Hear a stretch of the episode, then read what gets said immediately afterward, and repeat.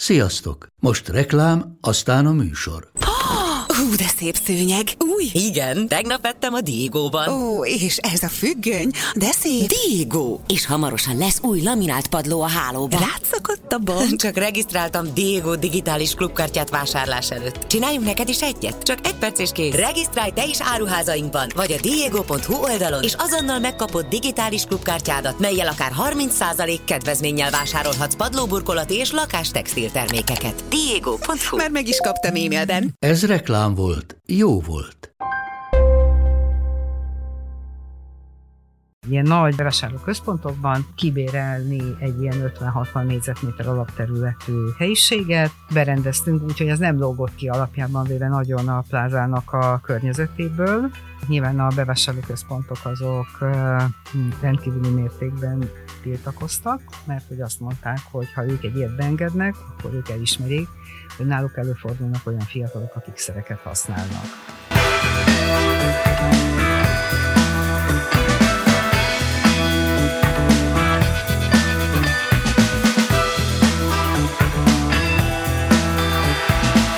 Sziasztok, nagy szeretettel köszöntünk mindenkit, ez itt a Törzsd velünk a Függőség Podcast, én Kovács András Péter vagyok, ma is velünk van két állandó műsorvezető társam, Dés Enikő, a Duma Színház dramaturgia, és Hoffman Kata, klinikai szakpszichológus, mai vendégünk pedig Felvinci Katalin, az ELTE pedagógiai és pszichológiai kar egyetemi tanára, klinikai pszichológiai és addiktológiai tanszék oktatója, valamint a Pszichológiai Intézet oktatója és a Magyar Addiktológiai Társaság főtitkára órára.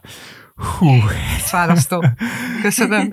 Jó sikerült. Jó, nálunk csak együtt kell mondani, hogy humorista. E, nagyon kedves volt ez a felvezetés, és imponáló a pozícióknak a listája. Hát te, ezek, te, ezek, te ezek alapjában véve nem annyira, nem, nem ennek van jelentősége egyébként, de magam is meglepődöm, amikor ezeket végighallgatom.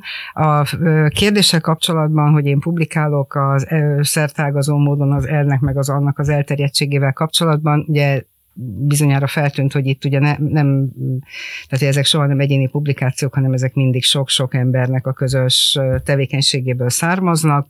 A másik kérdés a prevenció, az a kapcsolatban is írtunk azért különböző dolgokat, talán nem annyira fancy publikációkat, mint amikre rá lehetett bukkanni könnyen, de valóban most már egy olyan Hát sajnos már azt kell, hogy mondjam, hogy egy ilyen 20 éve foglalkozom ezzel a területtel, már mint a prevenciós programokkal, meg a prevenciós tevékenység professzionalizálásával, tehát hogyan lehetne szakmailag megfelelőbbé tenni ezt a tevékenységet, és hát ebben egy jelentős állomás volt az a tíz év, amit a Nemzeti Drogmegelőzési Intézet vezetőjeként tudtam eltölteni. Tehát akkor a megelőzést nem csak elméletben kutattad, hanem nagyon komoly gyakorlati tapasztalataid is.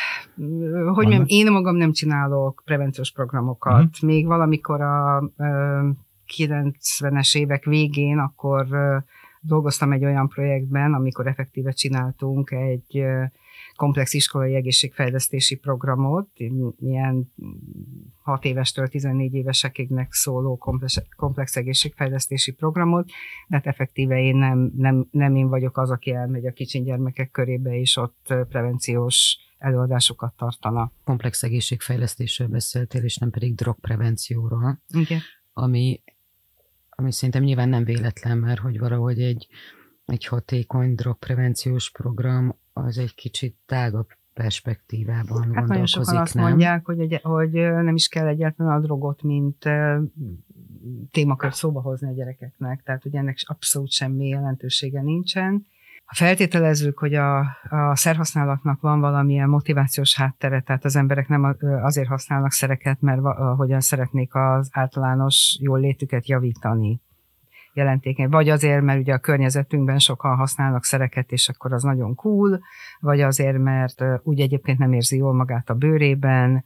Erre vannak ezek a különböző motivációs modellek, hogyha hogyha a szerhasználatnak a hátterében az áll, hogy te vonzóbb legyél a szociális környezetedben, meg jobb benyomást tudjál kelteni, vagy mert csak egyszerűen konformista vagy, és szeretnél arra menni, mint mindenki más, vagy ami úgy tűnik, mintha mindenki más arra menne, annak sokkal ö, kisebb az esély, tehát ebben az esetben sokkal kisebb az esély arra, hogy itt valamilyen problémás szerhasználati mintázódás kialakul, mint akkor, hogyha úgynevezett coping, tehát megküzdési uh-huh. motivációból használod a szereket, vagyis hogy egyébként elviselhetetlen az élet, és ezért aztán szert fogsz használni, bármilyen szert, vagy bármilyen, tehát akár legálisat, akár illegálisat. És akkor éppen ezért a drogprevenciónak, vagy éppen az alkoholprevenciónak nem csak arról kell szólnia, hogy elmondjuk annak az adott szernek a tulajdonságait, hanem arról is, hogy nézzél körül a családodban, hogy mi, milyen a környezeted, mit hozol biológiailag magaddal a családhajlamaidat, nézd meg, hogy, hogy van, van-e szorongásod, depressziód, traumáid, nézd meg, hogy tudsz-e egészséges, kiegyensúlyozott életet élni, tehát hogy gondolom a prevenció akkor sokkal összetettebb annál, hát lényegesen, mint hogy a szerre korlátozzon, és akkor ilyen szempontból pedig tényleg címkézhetjük mentálhigiéniás mm, is, nem igen. tudom én, hát igen, komplex egészségfejlesztésnek. Igen, mert... abszolút, és hogy, hogy ami mondjuk még egy elég fontos, és ezekhez a, a tévképzetekhez tartozik, hogy hát többnyire az emberi viselkedés az nem a jó információn alapul. Tehát az, hogy én tudom a jót, ettől nem feltétlenül fogom tenni a jót. Tehát mi a verültségtárgya? Nem, pont, pont ezt beszéltük, pont hogy én ezt hallottam, hallott, hát podcast előtt pont e, e, ezt e, mondtam Katának, hogy én hallottam tőled ezt a mondatot egy beszélgetésben, és nagyon örülök, hogy ez most elhangzott, mert valahogy csak kicsikartam volna. Nem, hát ez egy, ez egy alapvető tévképzet, tehát hogyha régen mindig azt mondtam, hogy a gyerekeket megkérdezzük negyedik általánosban, hogy szerintetek mik a, az egészséges táplálékok, akkor szépen elsorol, elsorolják, hogy az alma, meg a répa, meg a mit tudom én, a tofu, meg a jóisten tudja micsoda, mm. és mit szeretsz enni, kisfiam? Hát a chipset, tehát, hogy, és mit eszel? Ja, hát chipset, ha lehet.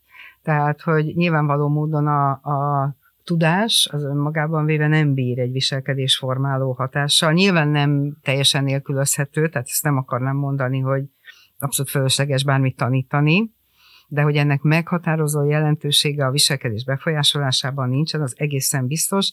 De ezt ugye talán a Kata is meg tudja erősíteni, hogy azért a pszichoterápiában hiába jutunk el a, az insightig, tehát hogy felismerjük, hogy mi a, ez a számtalan nehézség, meg trauma, meg nem tudom micsoda, amivel ö, szembesültünk az eddigiekben, önmagában véve ettől nem fogunk tudni változtatni a viselkedésünkön, tehát további eszközökre van szükség annak érdekében, hogy a viselkedés változzon, tehát a felismerés önmagában véve nem hozza el a megváltást. Uh-huh.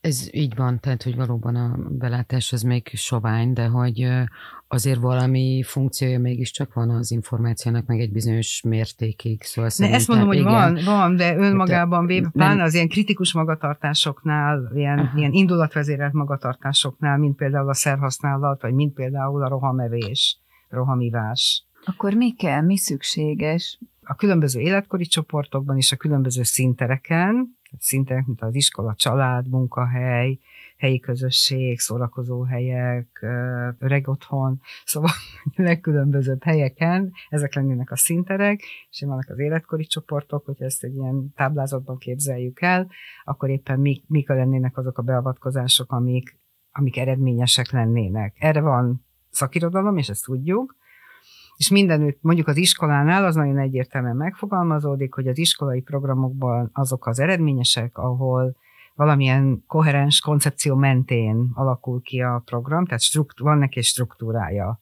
Le lehet írni, hogy mit miért csinálunk. Legalább tíz alkalommal történik meg.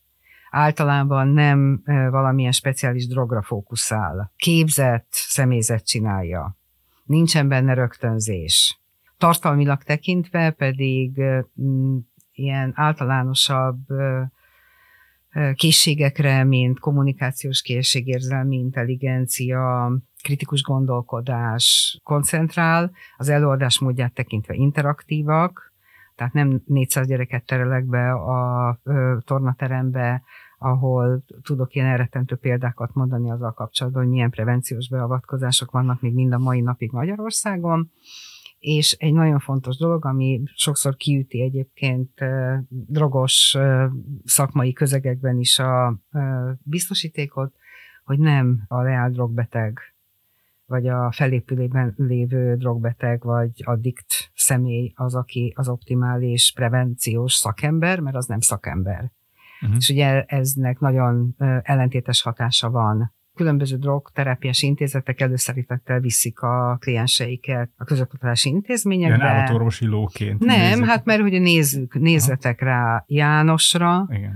hogy mit tudom én, és akkor ránézel Jánosra, aki egy ex-heroinista, akinek már a drogterápiás intézetben frankon rendbe rakták a fogait, dolgozik az asztalos műhelyben, komoly, focizik, vagy valami más fizikai aktivitás folytat, minek következtében egy jókarban lévő, izmos, gusztusos, rokonszenves fiatalember, akinek egyébként még a verbalitása is prima, mert az elmúlt másfél évben arra trenírozták, hogy meg el tudja mondani, mármint trenírozták, szóval, hogy bocsánat, arról szólt részben az élete, hogy meg tudja fogalmazni, hogy mi volt előtte, mi lesz utána, stb és akkor itt van ez a rokonszenves fiatalember, akit beküldünk a 16-17 évesek körébe, elrettentő jelleggel, ezt teszi veled a drog. Mit? Mit is tesz veled a drog? Hát azt, hogy igen, mélyre szálltál, elérted a mélypontot, de onnan szépen felkapaszkodtál, és lett belőled ez a sok oldalon képzett uh,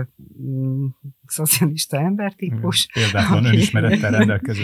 Így van, és hogy ilyen jó verbalitással, személyes ügyekről gyakorlatilag nem tud egy 16-17 éves beszélni, mert neki hiányzik. Nem tud a pedagógus beszélni, mert nem ez volt az ő mindennapi kenyere. Ellenben, tehát azért mondom, és ebből az következik, hogy hát gyerekek, hát ha ilyen uh, klassz pasik akartok lenni, akkor ugye meg kell... egy csomó jó élményt. akkor meg kell járnod a, a poklot is. Uh-huh. Ugye a 16-17 évesek, ugye hallgattuk a szemeljátszót is, vagy nem tudom ki volt az, akit hallgattam, aki mondta, hogy ugye a, te mondtad talán valamelyik korábbiban, hogy 99,9%-ából a szerekkel próbálkozóknak soha nem lesz problémás használó vagy függő. Tehát ugye ez nem, nem ez a normális fejlődési vonal. A normális fejlődési vonal ideig, óráig próbálkozol szerekkel, utána van egyéb feladat az életben, egyébként jól vagy elhagyod.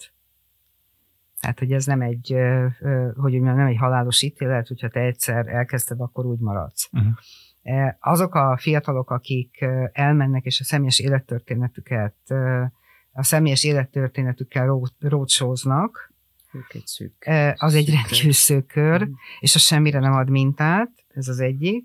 És a másik pedig az, hogy ez pontosan ugyanúgy nem tud ehhez kapcsolódni általában a fiataloknak a túlnyomó többsége, mint hogy ahhoz nem tud kapcsolódni, hogyha mostan dohányzol vagy alkoholt fogyasztasz, akkor 30 év múlva egy rokkant leszel ne hordjál haspólót, mert a veséd meg fog fázni, és egyéb hasonlók. Igen. igen. Nem, és nem, nem tudod nem a fogamzásgátló hosszú távú Hát igen, meg pistike sapkasál, uh-huh. mert kihullik a hajad. Igen, igen, elromlik a szemed, ne olvass a sötétben. Szerintem tényleg nem, nem a drog. A gyerekek, uh-huh. ezt most elmondják uh-huh. egyébként, akik járnak gyerekek közé, hogy nem a drog érdekli őket, hát hanem, a, hanem sokkal inkább az élet egyéb kérdései érdeklik őket. Hogy hogyan tudsz beszélgetni mm-hmm. telefon van. nélkül, meg hogyan oldasz meg konfliktusokat. Meg mit csináljon a depressziójával, meg... Mm.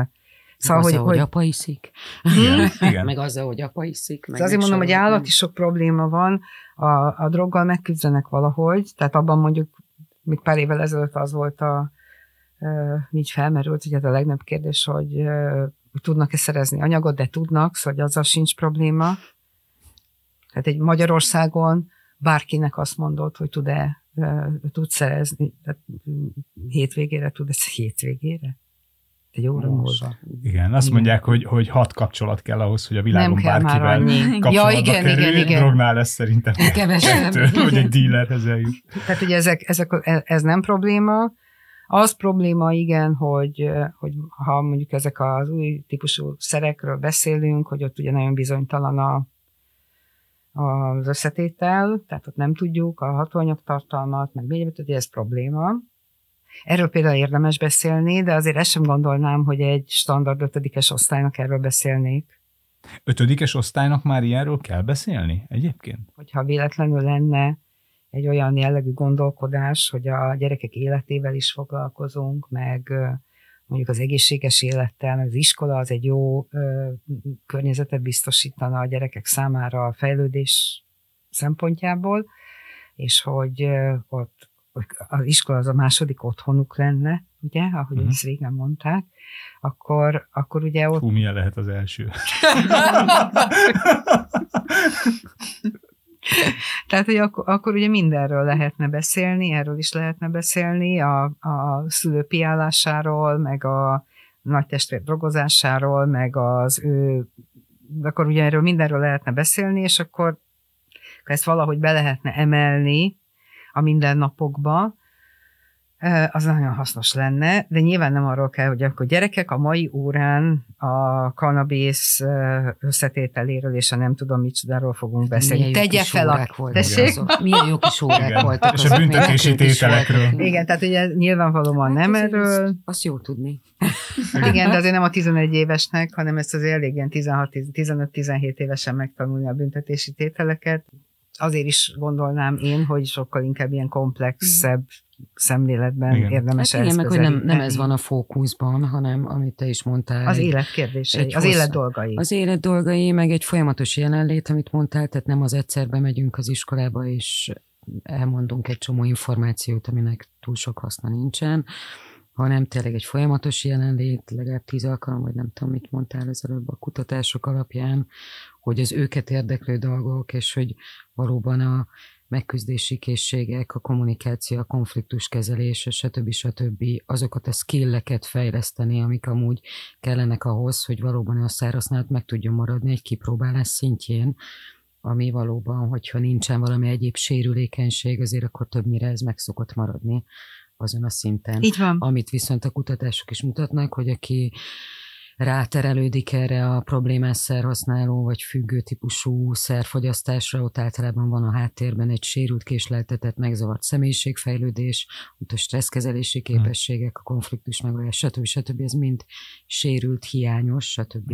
Van egy Hát, ha családi egy- előtörténet.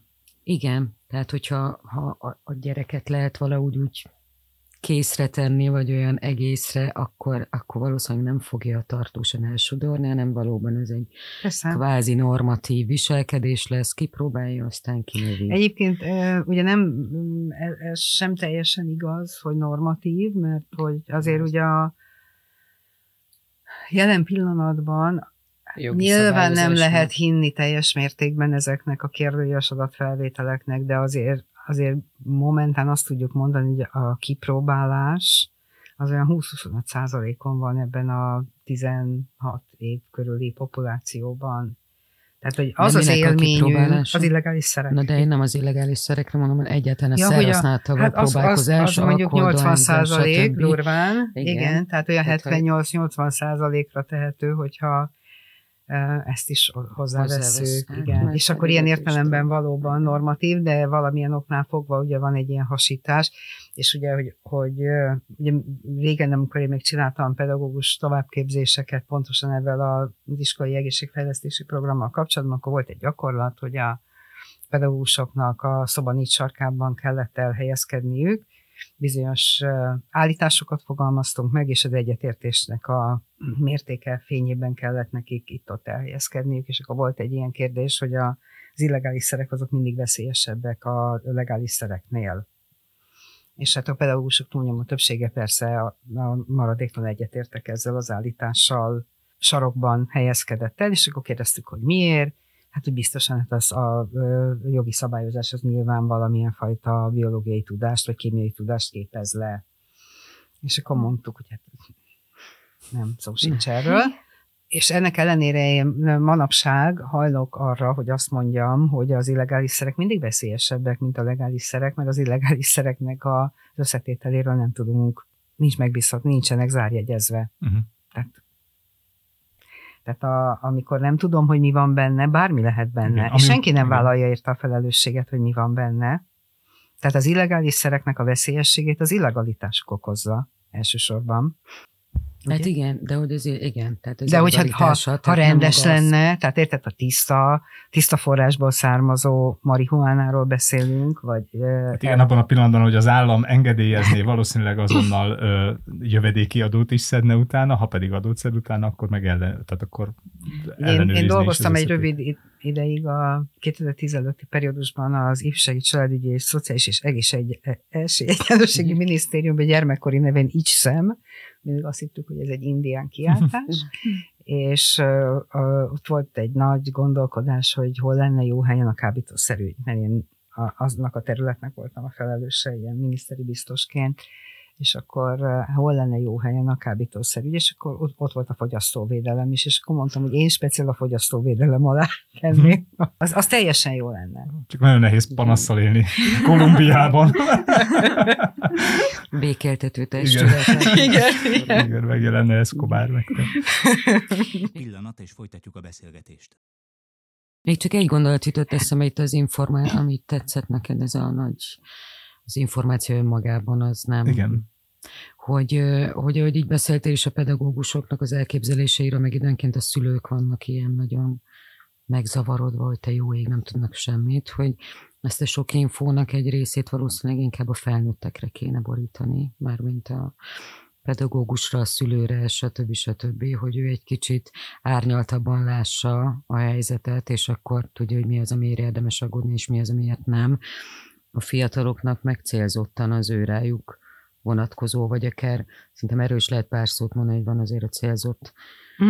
tehát nem csak az univerzális prevenció, hogy akkor le Tehát igen, mert az betereljük az iskolában van. iskolába a Mhm. gyerekeket, Az hanem ugye az univerzális, és a célzott az meg már olyan, ami, ami tudom én, a helyi közösségben, szomszédságban valósul meg. Ez nagyon fontos, hogy ugye a, a célzott prevenció esetében sem szűröm, tehát nincs, nincs egy szűrési program, hogy aki próbálkozott illegális szerekkel, vagy általában szelektív szerekkel, bocsánat, azt most akkor elküldjük a célzott prevencióba, hanem hanem hogy tudjuk, hogy mit tudom én, bizonyos szomszédságokban, bizonyos közösségekben, bizonyos helyeken a pszichoaktív szerhasználat előfordulása, vagy problematikus szerhasználat előfordulása nagyobb eséllyel valósul meg, hogy mit tudom én, a szegregátumban, a lepukkant lakókörnyezetekben, a nevelő otthonban, a börtönben, a Iskola elhagyók. iskola elhagyók körében, így van. Tehát egy csomó, van egy csomó olyan hely, ahol a pszichoaktív szerhasználatnak a kockázata, és különösen annak a problematikus formáinak a kockázata nagyobb, és akkor én oda viszek valamilyen programot, ami nem feltétlenül látszik rajta, hogy ez egy drogprevenciós program, hanem egyáltalán valami, ami hát hidat teremt a szakember, meg a, a célcsoport között, hogy tudjak, szóba tudjak vele legyedni, és ha úgy adódik, akkor tudjak neki célzottan a szerhasználati problémájával összefüggésben is valami támpontot adni. Nekünk még volt egy nagyon jó kezdeményezésünk, nem lett belőle nagyon sok, illetőleg a fenntarthatóság, ahogy úgy mondjam, kisé elmaradt az elvárásoktól.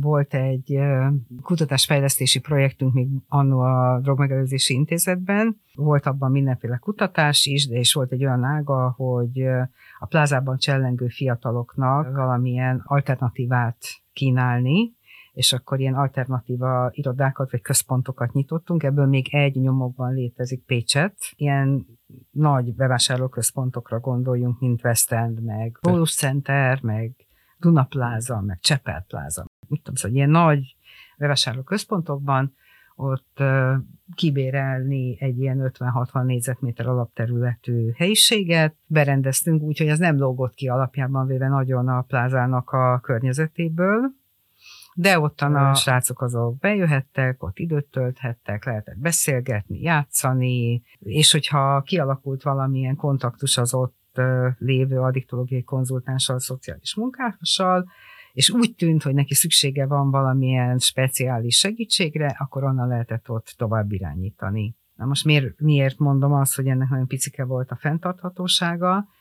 Nyilván nem nagy kérdés, hát nyilván a bevásárlóközpontok azok rendkívüli mértékben tiltakoztak, mert hogy azt mondták, hogy ha ők egy ilyet beengednek, akkor ők elismerik, hogy náluk előfordulnak olyan fiatalok, akik szereket használnak. Ez volt az egyik. A másik pedig, hogy ameddig még volt projekttámogatás, addig ki tudtuk fizetni a bérleti díjat. Uh-huh. És azt gondoltuk, hogy a bevásárlóközpontoknak mondjuk ez ilyen társadalmi felelősségvállalás keretében kutya kötelességük lenne, hogy nem üzleti alapon adják bérbe a felületet, de nem gondol, ők ezt nem így gondolták. Azt mondták, hogy egy napra, egészségnapra nyugodtan kijöhetünk. Igen, ez mindez, mindenhol ugye csodálatos ötlet, nagyon támogatjuk, de de, De nem ennyi- de, de az annyi az annyi, igen. Igen, tehát hogy ez eh, pedig akkor ugye volt erre vonatkozó kutatási adatunk, friss, hogy a bevásárlóközpontokat ilyen időtöltési jelleggel, heti nagy gyakorisággal látogató fiatalok körében a különböző az egészség szempontjából kockázatos magatartásoknak az előfordulási gyakorisága kétszerese, két és félszerese annak, mint amit a normál populációban találunk. Fú, és hogyha vettünk volna vizelet mintát a plázák mosdójában, abból mennyi minden derült volna. Igen, most ugye akkor még voltak játéktermek is a plázákban. Igen. Most már nincsenek. Direkt olyan bevásárlóközpontokat választottunk, ahol van játékterem, tehát ugye a szórakoztató funkciók azok viszonylag nagy mennyiségben elérhetőek. És próbáltunk oda behatolni, hát nem nagyon sok Mhm. sikerrel.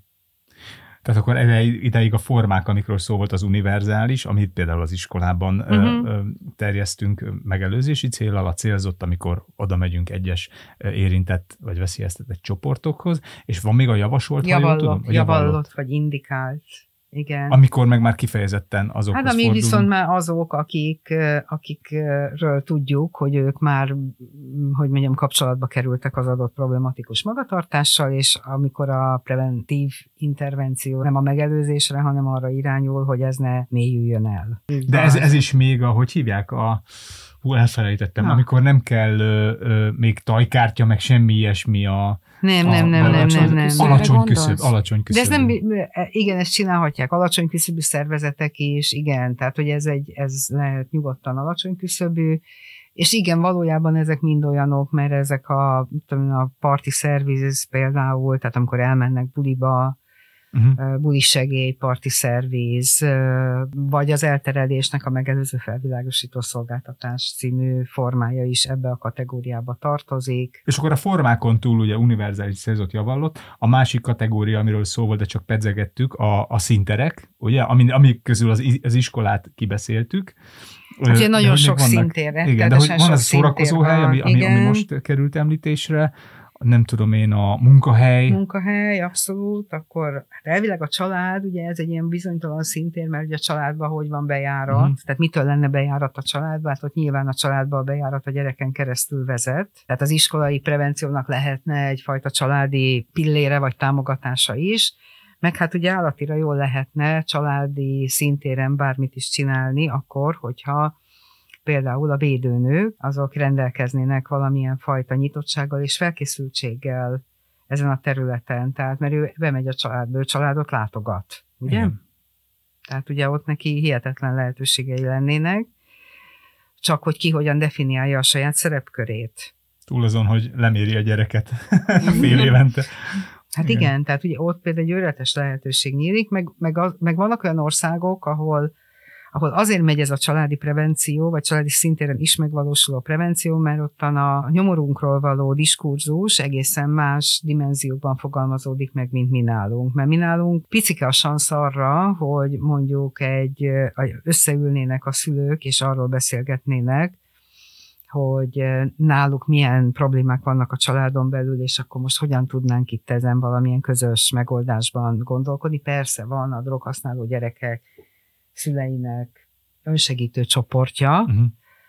Nem tudom, hogy most ez működik-e még nálunk, de volt periódus, amikor ilyen volt. Van Van, ilyen? abszolút a magadérnál. Igen. Abszolút van a Igen. csoport.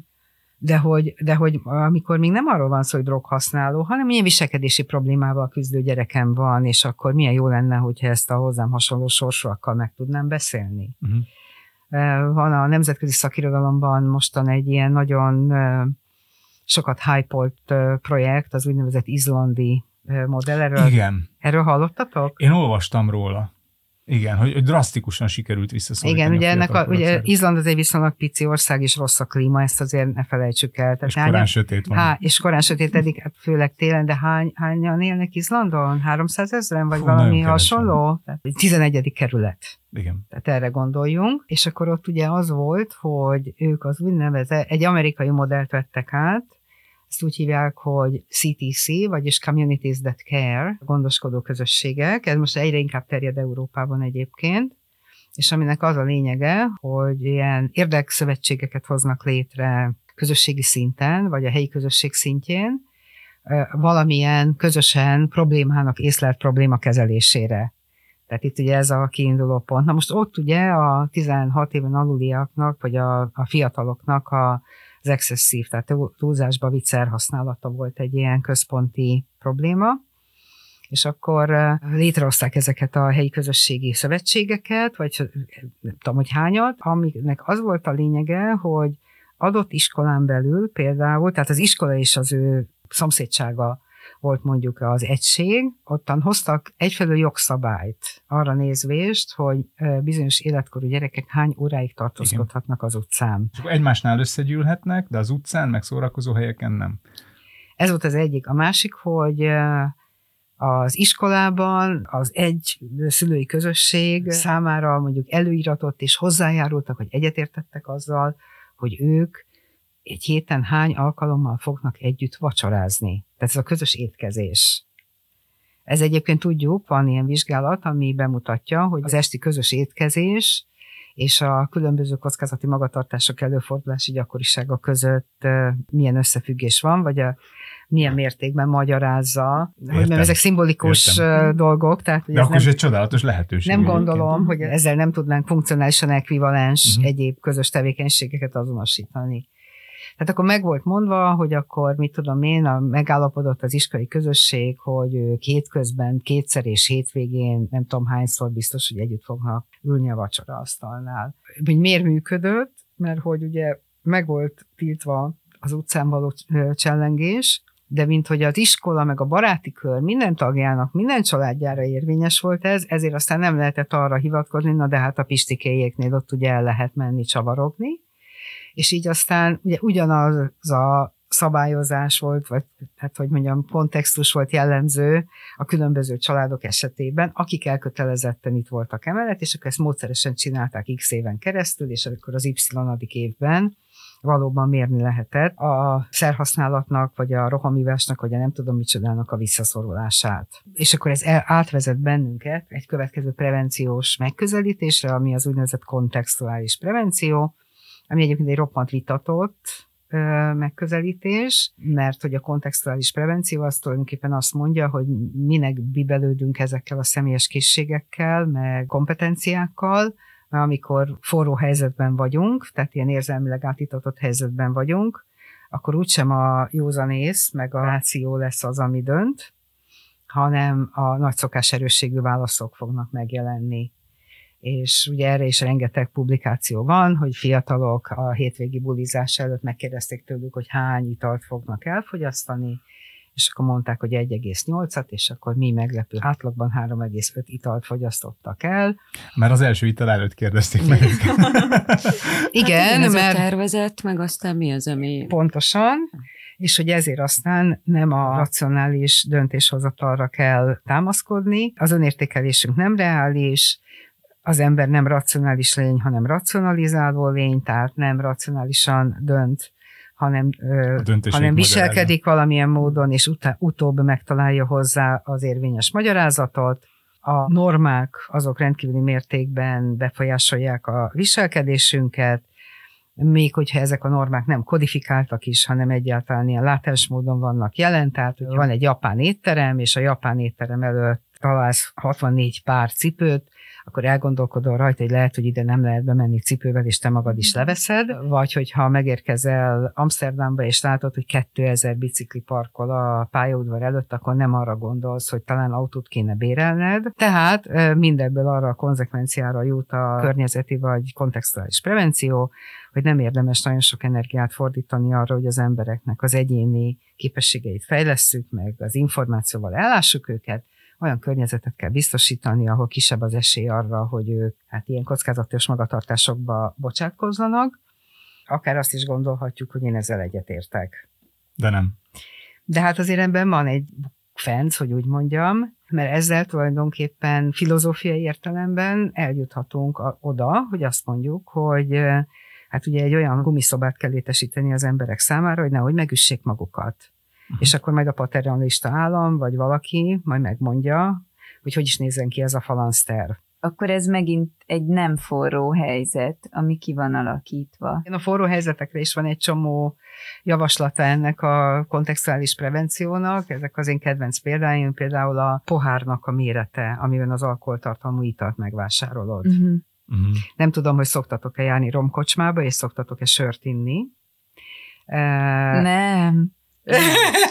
Én nem szeretem a sört. Na mostan, Meg a uh, bevakolatlan falakat. most azt képzeljétek el, hogy ez tényleg így van a legkülönbözőbb helyeken, bemész a, ott a buli negyedben, bármelyik romkocsmába, és azt mondod, hogy eh, kérsz egy pohár sört. Erre azt mondják, hogy azt nem lehet nálunk a legkisebb pohár négy, négy decis. Elmentem egy vendéglátóipari egységben, a hetedik kerületben, és mondtam, hogy kérek egy kis unikumot, az két cent. Nem lehet, csak négy centet lehet venni. Most mekkora nagy én erővel kell rendelkezni ahhoz, hogy azt mondod, hogy jó, hagyjuk a francba, én két cent unikumot akarok inni, kifizetem a négyet, de csak kettőt hozzon ki. Mekkora esélye van ennek? Hát a, én, én képes vagyok erre, mert egy már megenged... csak közgazdaságtanilag sem. Hát nem, de én megengedhetem magamnak, érted, Aha. hogy, hogy, hogy két centért kifizessem a Mhm. négy centnek az árát. De miért várjam ezt el én az emberektől? Igen.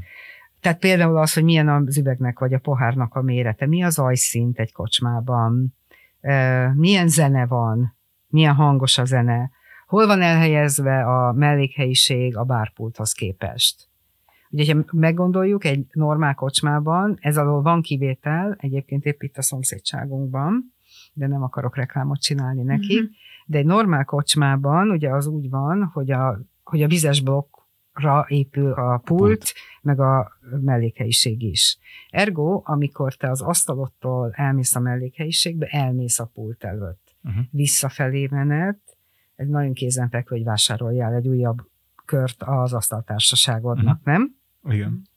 Tehát például ez is egy ilyen dolog, hogy hogyan az interiőrjét hogyan alakított ki egy vendéglátóipari egységnek, milyen méretű pohárban kínálod, tehát hogy a négy decisben kínálod az italokat, meg ugye vannak ezek a happy hours, ez is nagyon klassz, hogyha veszel egy sört, akkor kapsz hármat ingyen, vagy hogy egy koktélt, akkor x darabot ingyen kapsz, csütörtökön délután 5-től 9-ig.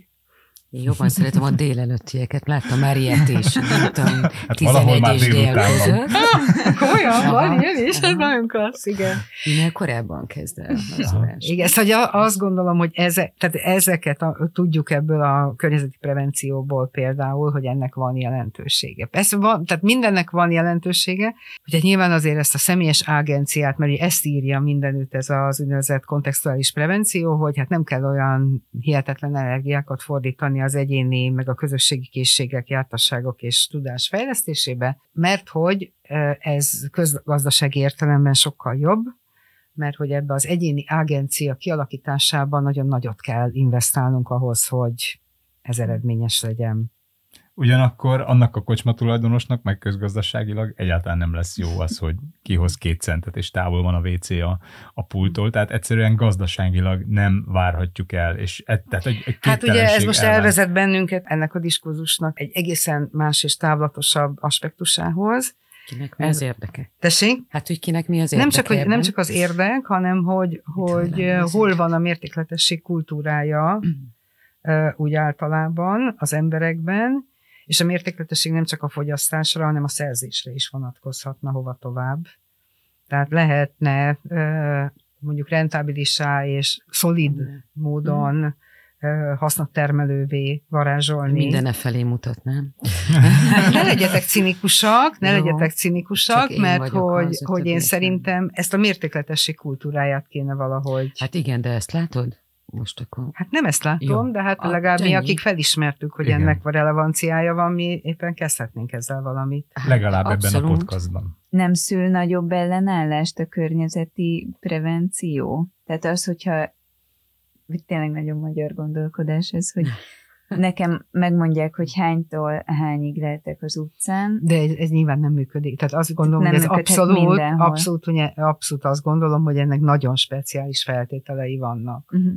És Nagyon. nagyon sok feltétele, nem? Tehát, hogy mert abból a szempontból, akár itt, amit mondtál, hogy ott akkor mindenki alávetette magát, meg mindenki ott volt a, közösségi, nem tudom min, és igen, igen, igen, kiskaput igen. megpróbáltak lezárni. Hát igen, de hogy ez nálunk már a, COVID, nálunk a Covid-nál sem működött. Igen. Volt egy elég, elég kézzelfogható fenyegetettség, mert sokan még azt a kézzelfoghatóságot is kevésnek tartották. Hát még ha azt mondanánk a lakosságnak, hogy figyeljetek gyerekek, most a 25%-ról szeretnék lemenni 12-re, úgyhogy mhm. most 6 évig nincs ilyen, azt, azt, azt nem fogják érteni.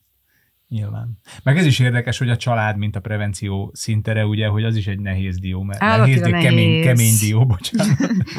mert hogy pont, pont, ahol probléma lenne, pont azok nem beszélnek egymással se. Nyilván a családfőnek a, a tekintélyét a témába ne vonja kérdőre, vagy ne kérdőjelezze meg egy külső De szakember. nem kell, nem kell ehhez kábítószerről vagy pszichopépszerről beszélni. Semmi. Hát most gondold el, hogyha mondjuk az egészséges táplálkozásról van szó. Most arról nem beszélve, hogy bármivel kapcsolatban ilyen, ilyen kodifikált kijelentéseket tenni, hogy van olyan, hogy egészséges táplálkozás, uh-huh. ez is egy bátor cselekedet, mert hogyha megnézed a, mondjuk biztos ismeritek mindannyian a táplálkozási piramist, mint olyat. Hogy az ugye piramis alakú. Igen. És ugye legalul vannak azok, amiből sokat lehet enni, és legfelül, amiből keveset. És hogyha megnézed, hogy milyen volt a táplálkozási piramis mondjuk 2010-ben, meg milyen volt 1972-ben, vagy 94-ben. Szóval mindegy, tehát egy ilyen 10-15 évenként rápillant az a táplálkozási piramisra, akkor érdeklődve látod, hogy a piramis alak az továbbra is fennáll, csak éppen a tartalma teljesen más. És hogy mitől vannak bizonyos táplálékok privilegizált helyzetben, vagy tehát mitől mondom azt, hogy ebből lehet bátran fogyasztani, ebből meg tilos, vagy nagyon szörmentén, az lehet, hogy azért, mert tényleg már annyira fejlett a tudomány, hogy ezt meg tudja mondani, de lehet, hogy azért, mert bizonyos üzleti érdekek húzódnak meg a háttérben. Mm. Tehát például tej, tojás, vaj. Úgyhogy ez egy nagyon-nagyon bonyolult világban vagyunk amikor prevenció során a szakember észreveszi valakinek a viselkedésében, hogy ő legszívesebben szólna, beszélne magáról, uh-huh. akkor hogyan lehet megközelíteni, illetve bizonyos szintereken hogyan változik az, hogy az érintettek a viselkedésükben miként mutatják meg azt, hogy bajban vagyok? Hát még egy iskolai környezetben azt gondolom, hogy ugye minden meg általában mindig minden környezetben ugye a, az érintetnek, vagy az esetlegesen bajban lévőnek a személyiségi jogai, jogai sérülékenység és stb. azt mindennek fölött tekintetbe kell venni, és tiszteletben kell tartani, de hát még egy iskolában lehet azt mondani, hogy nyilván sokatokban van olyan gondolat, amit nem szívesen tennétek ide ki a plénum elé, de elérhető vagyok itt és itt. Uh-huh. Tehát ez viszonylag egyszerű. Nyilván egy szórakozó helyen megjelenő ilyen parti szerviz szolgáltatás, az meg ugye vegyül. Ugye? Tehát az ugye ott van a, a táncparketten, vagy együtt van, csak ugye annyi, hogy a, ezek józanok, tehát hogy, hogy abban a helyzetben ugye ők nem fogyasztanak Igen. semmilyen szert. És ilyen értelemben hát oda is mennek, hogy nem akarsz kijönni egy kicsit, vagy nem ülünk le egy cseppet, vagy szóval, hogy, hogy ott azért sokkal proaktívabb Jól mondom, Kata? Abszolút. Lenni, Tehát lényegesen proaktívabb tud lenni egy ilyen parti szcénában mondjuk a, az ott megjelenő prevenciós, vagy mit tudom én, milyen alacsony küszöbű szolgáltató. Tehát minden, minden más helyzetben, meg ahol a, a szolgáltatást felkeresi az érintett, ott meg, hát az meg nyilván azért keresi fel, Igen. mert neki baja van. De hogy, hogy nyilván ez a, tegye fel a kezét, aki már fogyasztott szert, vagy aki már próbálta a marihuánát, ez nem egy nagyon... nem az érzékeny. Szóval, hogy, hogy ez nem az, a, nem az a megközelítés, amit díjaznak az emberek. És ugye itt merül fel az a probléma, amit én mindig el szoktam mondani, hogy ugye mostanában akinek még van bejutása az iskolába, az a rendőr. A rendőröknek, azoknak ez kötelezettségük is, hogy ott ugye ilyen prevenciós tevékenységet folytassanak, és akkor nagyon sokan azt mondják, szakmai, tehát kollégák, hogy ugye az mindennek az alja, hogy az egyenruhás rendőr bemegy a gyerekek közé, és akkor ottan félelmet kelt, meg mi egyéb. Én meg azt gondolom, hogy de bizony, bizony, ha rendőr csinálja a prevenciót, akkor az menjen, menjen bizony be az egyenruhájában. Mert ne vezessük félre sem a pedagógusokat, sem a gyerekeket. Tekintettel arra, hogy a, A rendőrnek lehet egyébként nagyon, tehát én el tudom képzelni, hogy egy rendőr jól csinálja a prevenciós tevékenységet, de a rendőrnek, ha te egy teljes körű feltárolkozó önvallomást teszel a saját szerhasználatodról, akkor a rendőrnek viszont a törvény értelmében mhm. kutya kötelessége intézkedni. Aztán erre azt szokták mondani, jó érzésű rendőrök, hogy hát, hát én soha nem intézkedtem még ilyen helyzetbe. Tehát te akkor te megszeged a törvényt. Igen. És akkor ez ugye a jogbiztonságnak a problémáját veti fel. Szóval, hogy mindenki csinálja azt, ami a dolga. És a, a rendőr legyen jelen az iskolában, szerintem... A prevenciós a... szakember megvégezze a prevenciót. Pontosan, pontosan. Pre- és a prevenciót prevenciós szakember végezze. Így van. A rendőr meg építsen jó kapcsolatokat, meg érje el, hogy ő benne bízon a nép. Igen, szolgáljon és védjen. Szolgáljon és védjen, nagyon helyes. Maradékban egyetértek vele. És szolgáljon, szolgáljon rá a rendőrség, hogy így tekintsünk rá. Ez milyen jó prevenciós foglalkozás lenne. Egy őszinte önfeltárulkozó beszélgetés után vége a foglalkozások, lehet menni az udvarra, ti hárman maradjatok itt. Mit kaptál? arra. Minden, amit mond felhasználható. Én nagyon szépen köszönöm Felvinci Katalinnak, hogy nagyon rendelkezésünkre állt. Ma bennem az a következtetés csapódott le, hogy valóban nem kell kizárólag drog vagy alkohol prevenciónak címkézni akár mondjuk az iskolai jelenlétet, mert talán ebből a beszélgetésből is kiderült, hogy egy sokkal komplexebb foglalkozásról van szó, ahol a, a mentális egészségünk, a szorongásaink, a depressziónk, a családi hátterünk, a, a, a pszichés felkészültségünk, az önismeretünk az, amit ápolni kell, és amit fel kell tárni, és nem mellesleg tisztában lenni a szerhasználat következményeivel is. Úgyhogy remélem, hogy jó, jó a, a végkövetkeztetés. Remek. És ha már nem is juthatnak be civil szervezetek a, a, az iskolába, reméljük, hogy a pedagógusok, iskolapszichológusok, védőnök is hallgatják eh, ezt a, a podcastet, és a szülők is, és mind-mind ezekre a szempontokra oda tudnak figyelni, ami sokkal fontosabb annál, mint hogy elmagyarázzuk, hogy hány évig terjed az, hogyha valaki megbukik a szerrel. Köszönöm szépen Felvinci Katalina. Köszönöm a lehetőséget. Köszönöm szépen nektek is, hogy velünk tartottatok, köszönöm Hoffman Katának és Dés Enikőnek is, hogy kísértek mai barangolásunkon. Sziasztok! Sziasztok. Sziasztok! Az elhangzottakkal kapcsolatos cikkeket, információkat, linkeket megtalálod a kimondható.hu oldalon a Töltsd velünk menüpont alatt. Kommentjeidet a Facebookon, az Instagramon és a Youtube-on várjuk. Töltsd velünk legközelebb is. Szia!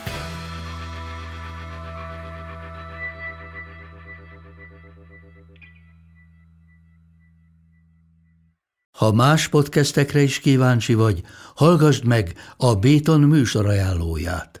El tudod képzelni, hogy a podcastet, amit éppen most hallgattál, fél év múlva már a mesterséges intelligencia generálja? Mi sem. De ha érdekel, eljötte már a gépek lázadása. Hallgass bele az Embertelen podcastbe. Orsós Lajos vagyok, a műsor házigazdája. Egyelőre még élőben. Egyelőre. Fedezzük fel együtt, hogyan ismerkedik, randizik, mesél és vitatkozik Betty és Péter, két teljesen mesterséges intelligencia. Lajos, a podcast címét mond még egyszer, Léci. Oké. Okay. Embertelen podcast. Ez a műsor a Béton közösség tagja.